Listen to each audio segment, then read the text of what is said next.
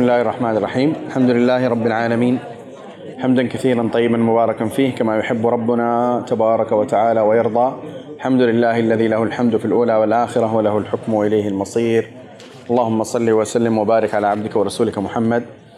نستعين بالله ونتوكل عليه ونستمر في مجالس أنوار الأنبياء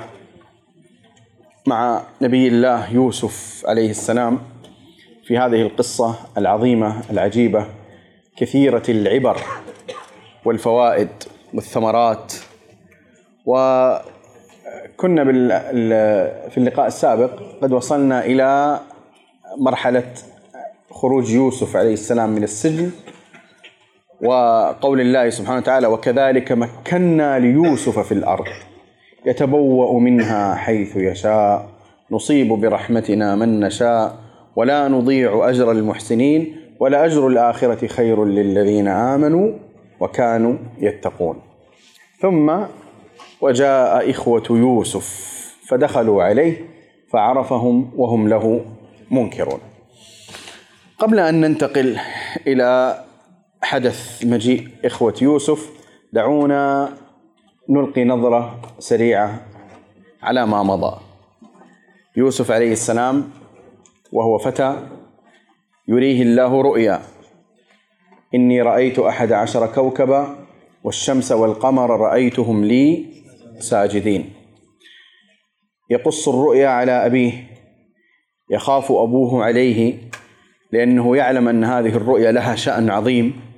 فيأمره ألا يقص الرؤيا على إخوته خشية كيد إخوته وحسدهم فيكيد له كيدا يحصل مع أن يعني أباه آه، قال له لا تقصص رؤياك على إخوتك إلا أن كيدهم وقع عليه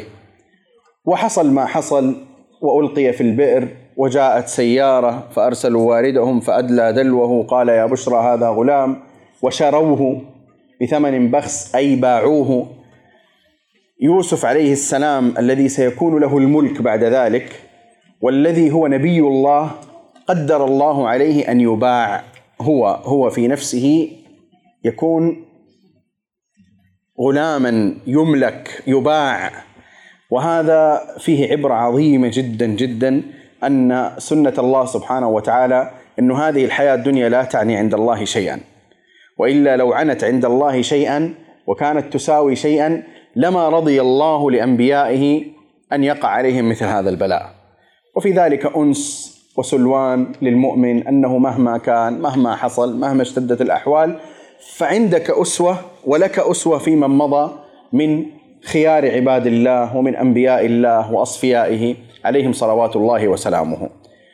يباع يوسف يمتلكه العزيز ينشا في قصر العزيز امراه العزيز تراوده يهرب منها يقول معاذ الله يخرج من هذه الفتنه وبعد ذلك آه، يتردد الكلام في المدينه ويعني تعتم اجواء المدينه بالشائعات وبالكلام الى ان راوا بعدما بدت لهم الايات ان يسجنوه. لما سجنوه حصل ما حصل من قصه الفتيين وعاش ولبث يوسف في السجن بضع سنين لاجل آه، تلك الوشايه ولاجل ذلك الكلام الذي لم يكن كلاما حقيقيا ثم ما تم ذكره في الايام آه، السابقه. لازم نستصحب كل هذا، لازم نتذكر كل هذا، لأن القصه لم تبدا من كرسي الملك. لم تبدا القصه من من المنصب، وإنما القصه بدات من قعر البئر. القصه بدات من السجن، من الزنازين، من الضيق، من الشده، من اللأواء، من كلام الناس، من اللوك الكلام واللوك في العرض القصة بدأت من هناك لم تبدأ القصة ناعمة سهلة سلسة آه، افتتح الستار فيها على يوسف على الكرسي كرسي الملك ويأتيه الناس لا وإنما كانت كما قلت قصة بدأت بالأمور المظلمة والصعبة والشديدة آه، إلى أن آل الأمر إلى تلك العاقبة الحميدة تولى يوسف خزائن مصر وصارت له كلمه عليا في تلك البلد وبدا ينفذ الخطه الاقتصاديه التي كان قد راها في الرؤيا وعبرها في الرؤيا السبع آه، سنين ذات الجدب انتهت ذات الخصب اقصد ذات المطر والغيث انتهت آه، ثم بعد ذلك اتت بدات سنوات التحدي والصعوبة وهي سبع سنوات ذات الجدب والقحط طيب يا جماعة الخير بدأت السبع سنوات سنوات الجدب والقحط وكانت سنوات شديدة هذه السنوات من شدتها أنها لم تكن مطبقة على أهل مصر فقط وإنما كانت عامة حتى وصلت إلى بلاد الشام بلاد الشام كان يسكن فيها من؟ إخوة يوسف والد يوسف والدة يوسف يعقوب عليه السلام ووالدة يوسف وإخوة يوسف أهل مصر لم يشعروا بشدة تلك الأزمة على أنها كانت في مصر وكانت شديدة جدا لم يشعروا بالأزمة لأن يوسف عليه السلام قد تولى تدبير الخطة الاقتصادية على ما تقتضيه تلك الأزمة وكان حفيظا عليما عليه صلاة الله وسلامه وكان يعني يدبر الامر كما ينبغي. طبعا آه، كانت الخطه الاقتصاديه فيها قدر من آه، يعني خلينا نقول تقليل الصرف تقليل الصرف بحيث انه خلاص كل واحد ياخذ نصيبه الذي يمكن ان يعيش فيه الى ان تنتهي تلك الازمه. اما البلاد البعيده فقد ضربتها الازمه ضربه لم يكونوا يستطيعون ان يعيشوا بمقدراتهم التي كانت عندهم.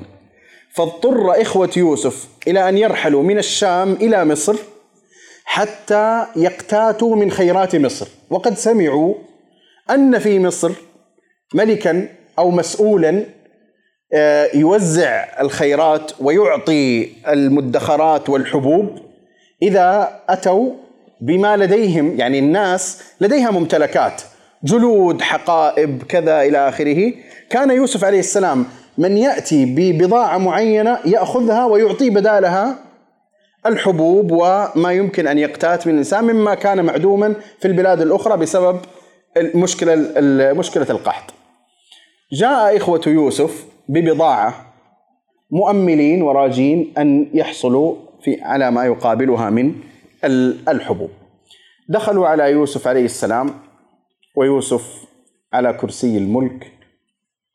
وفي يعني هيبه السلطه وله خدم بعد ان كان هو خادما بعد ان كان فتى مملوكا صار هو الذي له الكلمه وله فتيان من حيث تعرف وقال لفتيانه اجعلوا بضاعتهم في رحاله الان صار هو اللي عنده فتيان وصار هو اللي عنده الخدم وصار عنده هو جالس على كرسي الملك يوسف عليه صلاة الله وسلامه جاء إخوة يوسف عشرة ليش عشرة؟ شو الدليل أنهم عشرة؟ لأنه قال إني رأيت أحد عشر كوكبا وبعدين إيش قال لهم يتوني بأخ لكم من أبيكم ناقص واحد جيد فجاءوا عشرة دخلوا إلى يوسف عليه السلام وطلبوا أن يعني يبادلوا هذه البضاعة بالمؤونة فعرفهم وهم له منكرون ولما جهزهم بجهازهم قال ائتوني بأخ لكم من أبيكم ألا ترون أني أوفي الكيل وأنا خير المنزلين ائتوني بأخ لكم من أبيكم ألا ترون أني أوفي الكيل وأنا خير المنزلين كيف عرف أن لهم أخا من أبيهم دون أن يظهر شخصيته ويبين أنه يوسف عليه السلام لم يذكر الله لنا ذلك سيد لم يذكر الله لنا ذلك يعني كل ما يمكن ان يعني نجيب به فهو تخمينات او من مين ذا جاوب حسن؟ طيب طيب طيب عادي يا جماعه محاولات ما في مشكله يعني, يعني تخمينات يعني لكن هو لم يذكر الله سبحانه وتعالى ذلك هو في امور كثيره لم تذكر في القصه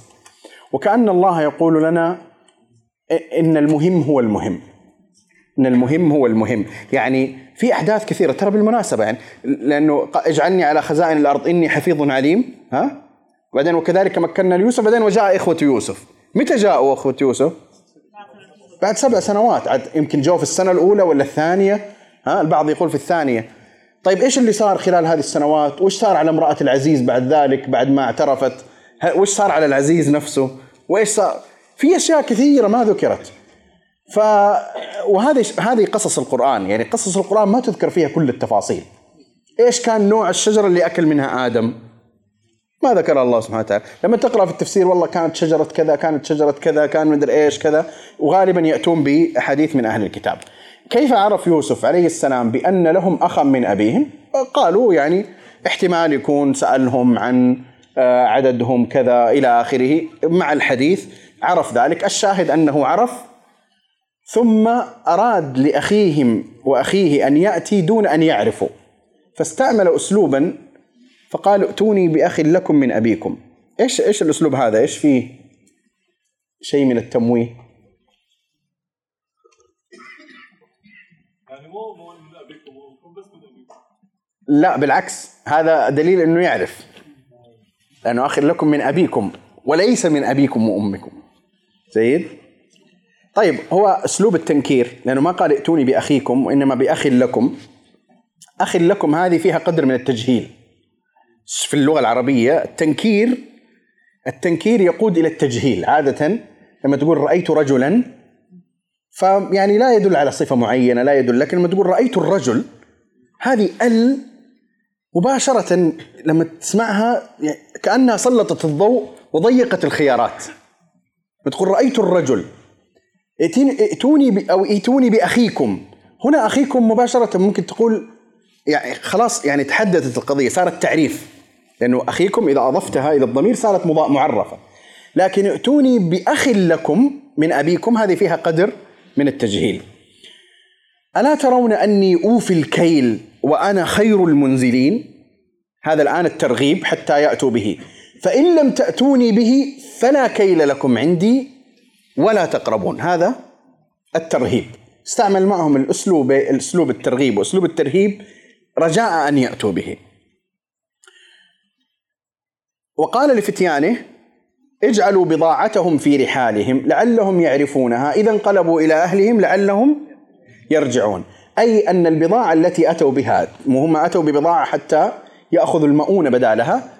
آه، رد هذه البضاعه في خلينا نقول الاحمال التي اتوا بها وضعت بطريقه معينه ولم يعني كانها على وشك الاغلاق او شيء بحيث انها لم تفتح الا حين رجعوا. فلما رجعوا الى ابيهم قالوا يا ابانا منع منا الكيل اي اي في المستقبل لان هم لا الان اكتالوا ومشيت الامور لان هو هو قال لهم ايش؟ قال الا ترون اني اوفي الكيل بالعكس هذه المرة وفاهم الكيل تماما ألا ترون أني أوفي الكيل لكن لما قالوا لأبيهم منع منا الكيل أي منع منا في المرات القادمة وهم في زمن مجاعة وبالتالي سيضطرون إلى الرجوع ويوسف عليه السلام كان يعطي بالقدر آه كل واحد حمل بعير أنت على يعني كل إنسان له نصيب واحد ليش؟ إيش الدليل على ذلك؟ لأنه لما قالوا لأبيهم آه، ونمير اهلنا ونحفظ اخانا وايش؟ ونزداد كيل بعير، يعني كل ما زاد واحد تزداد الغله التي ياتون بها، لانه يوسف عليه السلام كان يعطي بالقدر، كل واحد معاه بعير يعطيه نصيبه. ليش؟ لانه في جذب فهو مقتضى هذه الخطه الاقتصاديه انه يكون في توزيع بالقدر. منع منا الكيل فارسل معنا اخانا نكتل وإنا له لحافظون وإنا له لحافظون تذكركم بماذا؟ أرسله معنا غدا يرتع ويلعب وإنا له لحافظون وهنا أرسل معنا فأرسله معنا إيش؟ أرسل معنا أخانا نكتل وإنا له لحافظون نفس الجملة أرسل أرسل وإنا له لحافظون وإنا له لحافظون بعد أن كوي أو اكتوى قلب يعقوب عليه السلام بفقدان يوسف بعد نفس الجملة التي قيلت له قبل سنوات طويلة جدا ما كان لذاك القلب الذي اكتوى بتلك المصيبة أن يأمن وقد سمع نفس الخطاب ونفس الوعد من نفس الأشخاص ما كان له ان يامن ولذلك مع ان القضيه ظاهرها مصلحه وهم في الحقيقه كانوا صادقين هذه المره الا ان يعقوب عليه السلام لم يكن يامن لصنيع ابنائه وهذا والله من البلاء وابو الابناء يعرف ذلك يعني اذا كان لديك ابناء ثم بعد ذلك وبعد كل هذه السنوات وبعد ان يتقدم فيهم السن ويكبر ويكثر لا تأمنهم فهذا والله البلاء هذا البلاء الشديد وفي ذلك سلوان يعني للآباء إذا قدر الله عليهم أن يكون أبناؤهم أو بعض أبنائهم ليسوا على الحال تامة من الصلاح والاستقامة قال إيش قال قال هل آمنكم عليه الا كما امنتكم على اخيه من قبل فالله خير حافظا وهو ارحم الراحمين ولما فتحوا متاعهم وجدوا بضاعتهم ردت اليهم قالوا يا ابانا ما نبغي يعني ايش نبغى بعد هذا ماذا نريد اكثر من هذا ما نبغي هذه بضاعتنا ردت الينا يعني اخذنا الكيل والبضاعه التي اتينا بها رجعت الينا ايضا ما نبغي هذه بضاعتنا ردت الينا ونمير اهلنا ونحفظ اخانا ونزداد كيل بعير ذلك كيل يسير قال لن ارسله معكم حتى تؤتوني موثقا من الله لتاتونني به الا ان يحاط بكم فلما اتوه موثقهم قال الله على ما نقول وكيل تم الاتفاق بعد تخوف وتهيب من يعقوب عليه السلام بأن يفقد قرة عينه الأخرى وأن يفقد شقا من نفسه ومن قلبه ومن كبده ومن روحه وهو أخو يوسف بن يامين وكان شقيق يوسف عليه السلام وكان احب اخوان يوسف الى ابيه بعد يوسف. لكم ان تتخيلوا شعور يعقوب عليه السلام وهو يعني يودع ابنه للمره الثانيه يعني يودع الابن الثاني وهو على تخوف ووجل ولكن عزاؤه بان الله خير حافظ فالله خير حافظا وهو ارحم الراحمين. لما اتفق معهم على ذلك حذرهم وقد راهم مجتمعين امامه وكانوا ذوي صوره حسنه ومنظر بهي وفي عافيه وصحه ما شاء الله 11 رجل اخوان كلهم ثم سيدخلون الى هذه البلد على تلك الهيبه وعلى ذلك المنظر الحسن يعقوب عليه السلام من شفقته ومن حذره خاف عليهم أن يصابوا بشيء من العين أو أن يمكر بهم وقال يا بني إيش لا تدخلوا من باب واحد وادخلوا من أبواب متفرقة وما أغني عنكم من الله من شيء إن الحكم إلا لله أمر ألا تعبدوا إلا إياه ذلك الدين القيم لا لا إن الحكم إلا إلا إلا عليه توكلت وعليه فليتوكل المتوكلون العين امر غيبي امر غيبي وتاثير شفاف لا يرى وهو حق كما ثبت عن النبي صلى الله عليه وسلم ونحن في زماننا هذا يتداول موضوع العين كثيرا والحسد وما يتعلق بذلك والناس امام هذه القضيه ثلاثه اصناف منهم صنف يبالغون في هذه القضيه حتى انهم يعزون كل فشل في حياتهم او تاخر او تذبذب الى قضيه العين ويلصقون بها ويعلقون عليها كل هزيمه وكل تاخر وكل تقصير وقسم اخر راى مبالغه القسم الاول فانكر وجحد هذه العين وقال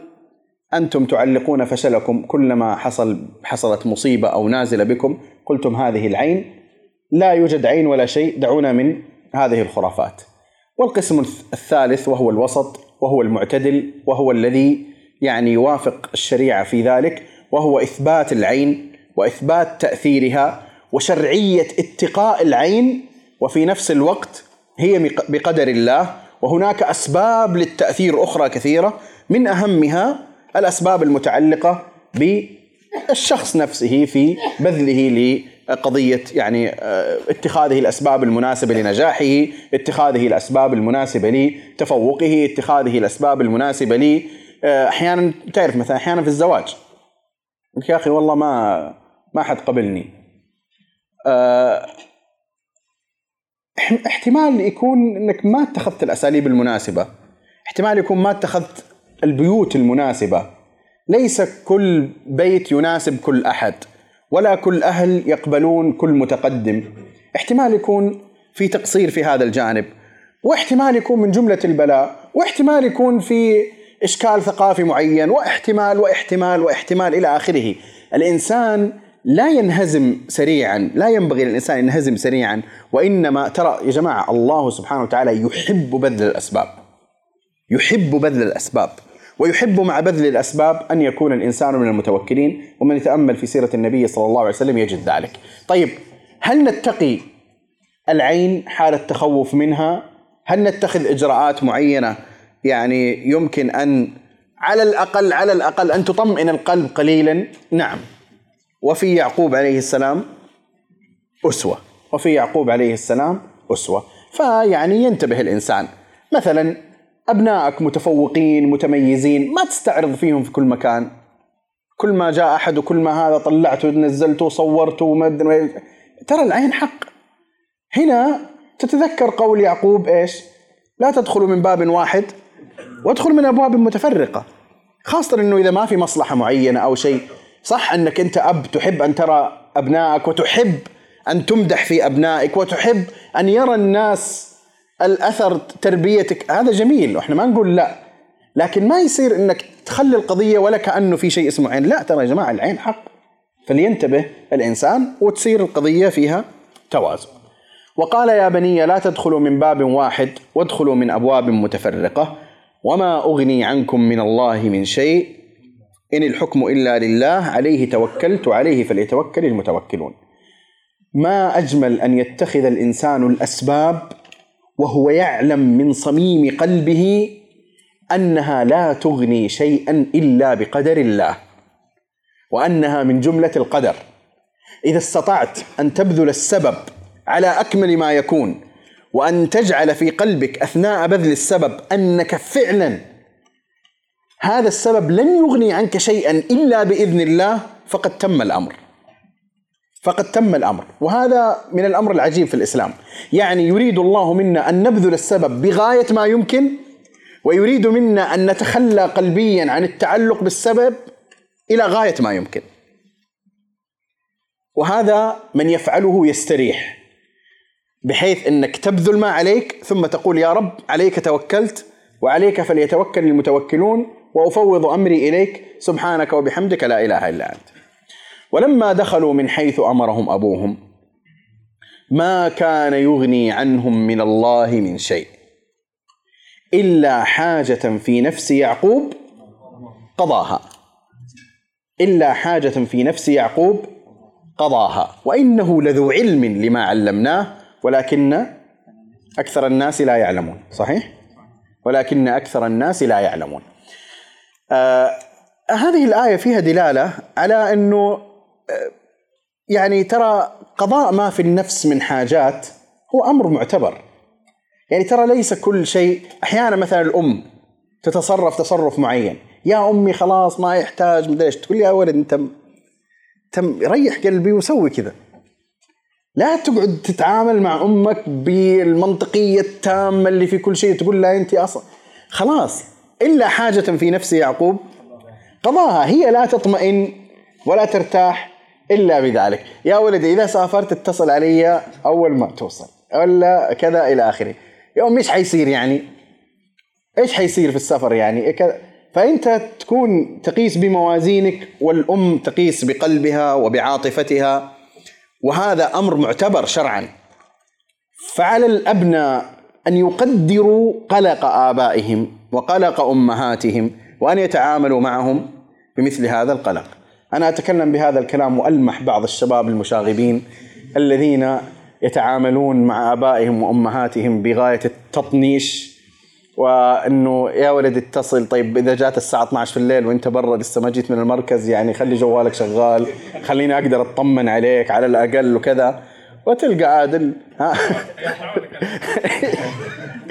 ايوه يا اما الجوال مقفل يا اما انه الشحن مخلص وما ادري كم والام مسكينه وتتصل واحيانا الساعه كذا و... فيعني هذا حقيقه من الايه هذه يفهم الانسان انه الله سبحانه وتعالى يعني قدر شعور الاباء وشعور الامهات وقال ولما دخلوا من حيث امرهم ابوهم ما كان يغني عنهم من الله من شيء الا حاجه في نفس يعقوب قضاها وقضاء الحاجة التي في نفس يعقوب هي أمر معتبر فإنه كان قلقا على أبنائه أن إذا دخلوا بمثل هذا الحشد وبمثل هذه الصورة وبمثل هذا الجمال أن تصيبهم تلك العين وهو يعلم أنه أنها بقدر الله وهو متوكل على الله ولكنه لن يطمئن قلبه إلا إذا اتخذوا مثل هذا السبب فمثل هذا معتبر ومثل هذا مهم ومثل هذا يعني ينبغي أن يكون محل آه، مراعاة من جهة الأبناء آه، خاصة وإنه لذو علم لما علمناه ولكن أكثر الناس لا يعلمون إن شاء الله في اللقاء القادم يعني نقف مع الآيات التي فيها التقاء يوسف بأخيه وبعد آه، ذلك ما حصل من موضوع فقدان يعني واتهامهم بالسرقه وان شاء الله بقيه القصه التي آه، تعلمون معالمها باذن الله تعالى. تفضل اخي الكريم. في شيء لطيف انا ليش ليش بالاساس طلب الاخ؟ ليش سيدنا يوسف طلب اخوه الصغير؟ شو حجته كان؟ طيب هذا خليه بكره. في في نفس الايات المتعلقه بها ان شاء الله. الشغله الثانيه بس آه، ليش رجع ضاع للرحال؟ رجع البضاعة للرحال قالوا قولين في المفسرون قالوا قولين القول الأول قال إنه رأى حاجتهم ها وأرجعها لهم تقديرا لحاجتهم والقول الثاني إنه حتى يرجعوا إليه حتى يرجعوا إليه وذلك من جهتين الجهة الأولى أنه أكرمهم بزيادة فأعطاهم الكيل ورد لهم البضاعة وهذا يؤهلهم نفسيا لأن يعودوا مرة ثانية لأنهم رأوا الكرم منه لأنه قال لهم ألا ترون أني أوفي الكيل وأنا خير المنزلين المنزلين والجهة الثانية في في هذه القضية هي أنه آه، ربما خشي أنه ما يكون عندهم بضاعة أخرى فلا يرجعون بسببها فأعطاهم البضاعة حتى يرجعوا بها هذه كلها احتمالات لكن هي يبدو والله أعلم أنها في هذا السياق اللي هو سياق أنه حتى يرجعوا لأنه حتى في الآية قال الفتيان يجعلوا بضاعتهم في رحالهم لعلهم يعرفونها إذا انقلبوا إلى أهلهم لعلهم يرجعون